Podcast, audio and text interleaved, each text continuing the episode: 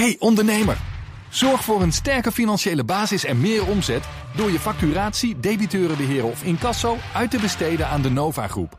De Nova Groep? Ja, de Nova Groep. Kijk op novagroep.nl. Crypto-update. De crypto-update met Herbert Blankenstein, presentator van BNR's CryptoCast. Ons programma en podcast natuurlijk over de bitcoin en andere digitale coins. Herbert, goedemorgen. Ah, Meindert. Ja, Silvergate, daar gaat het allemaal om uh, deze dagen. De bank waar veel Amerikaanse cryptobedrijven een dollarrekening hadden, die stopt ermee. En dat zagen we ook al een beetje aankomen, toch? Ja, ja, ja, het eerste niet-crypto-bedrijf dat kapot gaat aan Ja. de toestanden in de crypto-industrie. Want dat was gewoon een bank, hè, Silvergate. Ja, Eh, al hadden ze 88 van ongeveer begonnen, geloof ik. Ja, heel vroeg al en toen onroerend goed. Maar goed, Ja. ehm, hebben de Steven gewend. Eh, ze, ze hebben helemaal geen rare risico's genomen, zoals FTX bijvoorbeeld. En dit begon al half januari. Toen heb ik hier al verteld dat Silvergate een soort bankrun had. Klanten moesten terugbetalen en dat lukte toen maar net. Ze moesten beleggingen verkopen en het waren keurige beleggingen, helemaal niet riskant, goed verkoopbaar, maar wel met forse verliezen. En kort geleden werd duidelijk dat Silvergate op de grens zat van goed gecapitaliseerd en voldoende gecapitaliseerd. Dat lijkt, ja, wat maakt het uit, maar voor een bank is dat belangrijk. Zou zijn jaarrekening niet op tijd afkrijgen en de klanten renden meteen weg. Coinbase, Circle, Gemini, Paxos, Galaxy vertrokken allemaal en maakten dat nog bekend ook. Ehm, en Silvergate eh, zei toen zelf dat ze aan het eigen voortbestaan twijfelden. De aandelenkoers ging onderuit, meer dan de helft ging eraf. En nou zeggen ze nee, zo gaat het niet meer. Het lijkt geen faillissement te worden trouwens. Eh, Silvergate zegt aan zijn verplichtingen te kunnen voldoen... en dat alle klanten hun geld terugkrijgen. Maar ja, ze geven het op. Ja, ze geven het op en dat is ook niet zo heel erg goed voor de cryptokoersen. Nee, eh, Bitcoin deze week 8% omlaag, de Ether 7% in de min, andere coins nog meer. Eh procent of 10 gaat er gemiddeld zo af. Ehm, maar over het laatste etmaal valt het eigenlijk wel mee hoor. Bitcoin en Ether ongeveer 1% in de min. De rest is verdeeld, zitten zelfs groene bij. Ehm, en weet je, de uitspraken van Powell over de inflatiebestrijding van deze week, die zitten er ook nog tussen. Dus ik vind het effect wel meevallen. En de meeste winst van januari, eh, daar zitten we eigenlijk nog steeds bovenop. Nou, dan was er eergisteren nog eh, de start van een rechtszaak tussen het oudste Bitcoin-fonds eh, Grayscale en toezichthouder SEC in de Verenigde Staten. Wat speelt daar precies? Ja, nou, Grayscale is een aandelenfonds. Ze nemen bitcoins aan van klanten en geven daar aandelen voor terug. En dat doet Ja, ja. Grayscale al sinds 2013. Eh, en dat was zeker toen, in de financiële wereld, was dat handiger dan zelf bitcoin hebben. Want ja, bitcoin had je verstand van techniek voor nodig. Je kon het kwijtraken door een foutje of door hacks. De financiële autoriteiten hielden er ook niet van. En ja, aandelen in een bedrijf dat goed voor die bitcoins zorgt, dat voelde een stuk beter. En het voelde zelfs zo goed dat die aandelen jarenlang meer waard waren dan de onderliggende bitcoins.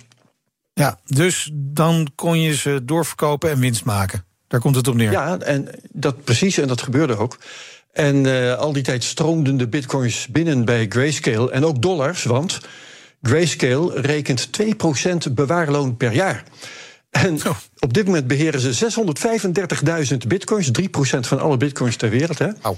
Eh, 14 miljard is dat waard, dus reken maar uit. Dat levert 280 miljoen per jaar gratis geld op. Ehm, maar wat is er nou gebeurd? Die premie op die bitcoin-koers is verdwenen. Want de voordelen van Grayscale zijn eigenlijk een stuk minder sterk geworden. Het is nou makkelijker om zelf bitcoins te hebben. Ja. Die 2% bewaarloon is ook niet zo heel erg leuk. Eh, zeker niet als de koersen dalen. En nu zijn de Grayscale-aandelen goedkoper dan de onderliggende bitcoins. En deze week scheelde dat eh 47 Dus ja, eh, je bent gek als je nu nog bij Grayscale je bitcoins inlevert voor aandelen. Je kijkt wel uit. Ja. Ehm, en die rechtszaak die deze week is begonnen, is dus een poging om daar wat aan te doen. Ja, maar, maar wat wil Grayscale precies weer van de SEC dan? Nou, heel simpel gezegd, ze willen een beursnotering. Oh, oké. Grayscale wil een ETF worden, een Exchange Traded Fund.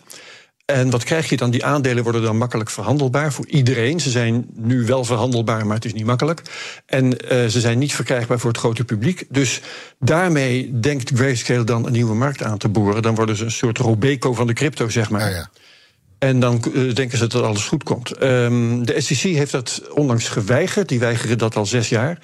Ehm, en de bedoeling van die rechtszaak is om die goedkeuring voor zo'n ETF af te dwingen. Ja, ja, dus dit gaat nog wel even duren. En je kan ook dan, denk ik, heel moeilijk inschatten of ze uiteindelijk een beursnotering krijgen. Uh, dat, is, dat is moeilijk, maar die rechtszaak is pas begonnen. Uh, eerste, eerste zijn er geweest. Wat daarbij wel opviel, was dat de rechters heel kritisch waren tegenover de SEC. Die vroegen bijvoorbeeld: hey, uh, SEC, waarom is er al lang een ETF in Bitcoin Futures door jullie goedgekeurd, terwijl een ETF in gewoon Bitcoin nou al zes jaar wordt tegengehouden en in andere landen ook wel kan? Um, doordat dit gebeurde, is de koers van die grayscale Bitcoin-aandelen meteen gestegen van 47% onder de Bitcoin-prijs naar nog maar 40% eronder. Dus de wereld denkt, de markt denkt, uh, hey, dit gaat de goede kant op voor grayscale. Ja, ondertussen sleepte Alameda, de, de beleggingstak van FTX van Sam Bankman-Fried, grayscale dan weer voor de rechter. Waarom gebeurde dat? Nou, om een heel raar ding in de constructie van Grayscale. En dat is namelijk dat je daar uh, wel je bitcoins kunt inleveren om aandelen te krijgen. Maar het omgekeerde kan niet. Je kunt niet uh, je aandelen terugbrengen en je bitcoins opnemen. Wat is er? Ja, dat, ik besnap dat ook niet. De, uh, Alameda, Alameda is nu failliet, moet zijn bezittingen verkopen. En weet je, daar zijn Grayscale aandelen bij. En die zijn als aandelen 290 miljoen waard voor uh, Alameda. Maar de onderliggende bitcoins die zouden 550 miljoen opleveren.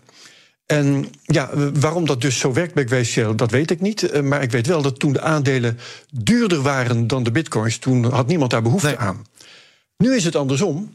En als de rechter FTX gelijk, of sorry, Alameda gelijk geeft, dan is de geest uit de fles. Want dan wil iedereen zijn bitcoins wel terug. Want die zijn bijna twee keer zoveel waard ja, precies. als de aandelen die ze hebben. En dan kan Grayscale meteen naar het kerkhof.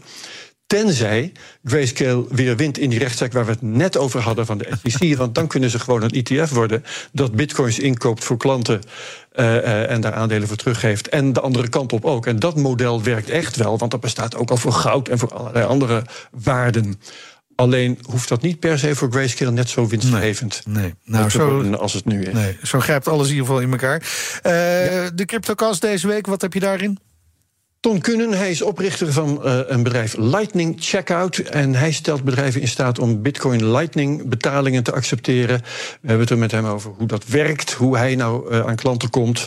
En waarom ik adoptie van Bitcoin door bedrijven om Bitcoin te accepteren een hele goede zaak vind. Ja, we gaan weer luisteren. Dankjewel, Herbert. Alle afleveringen van de CryptoCast zijn te horen via de BNR-app, bnr.nl of de podcast-app naar jouw keus. Crypto-update wordt mede mogelijk gemaakt door BitTonic. Al tien jaar lang de Bitcoin-autoriteit van Nederland. Transportreus van Stralen de Vries rijdt al 16 jaar met elektrische trucks. Daarmee mag het gerust een voorloper genoemd worden. Maar Erwin Keizer, projectmanager duurzaamheid, kijkt verder dan dat. Hij werkt aan lokale energiecoöperaties, transporthubs en samenwerkingen... die zorgen voor zo min mogelijk leegrijdkilometers. Je leest zijn verhaal op partner.fd.nl bp.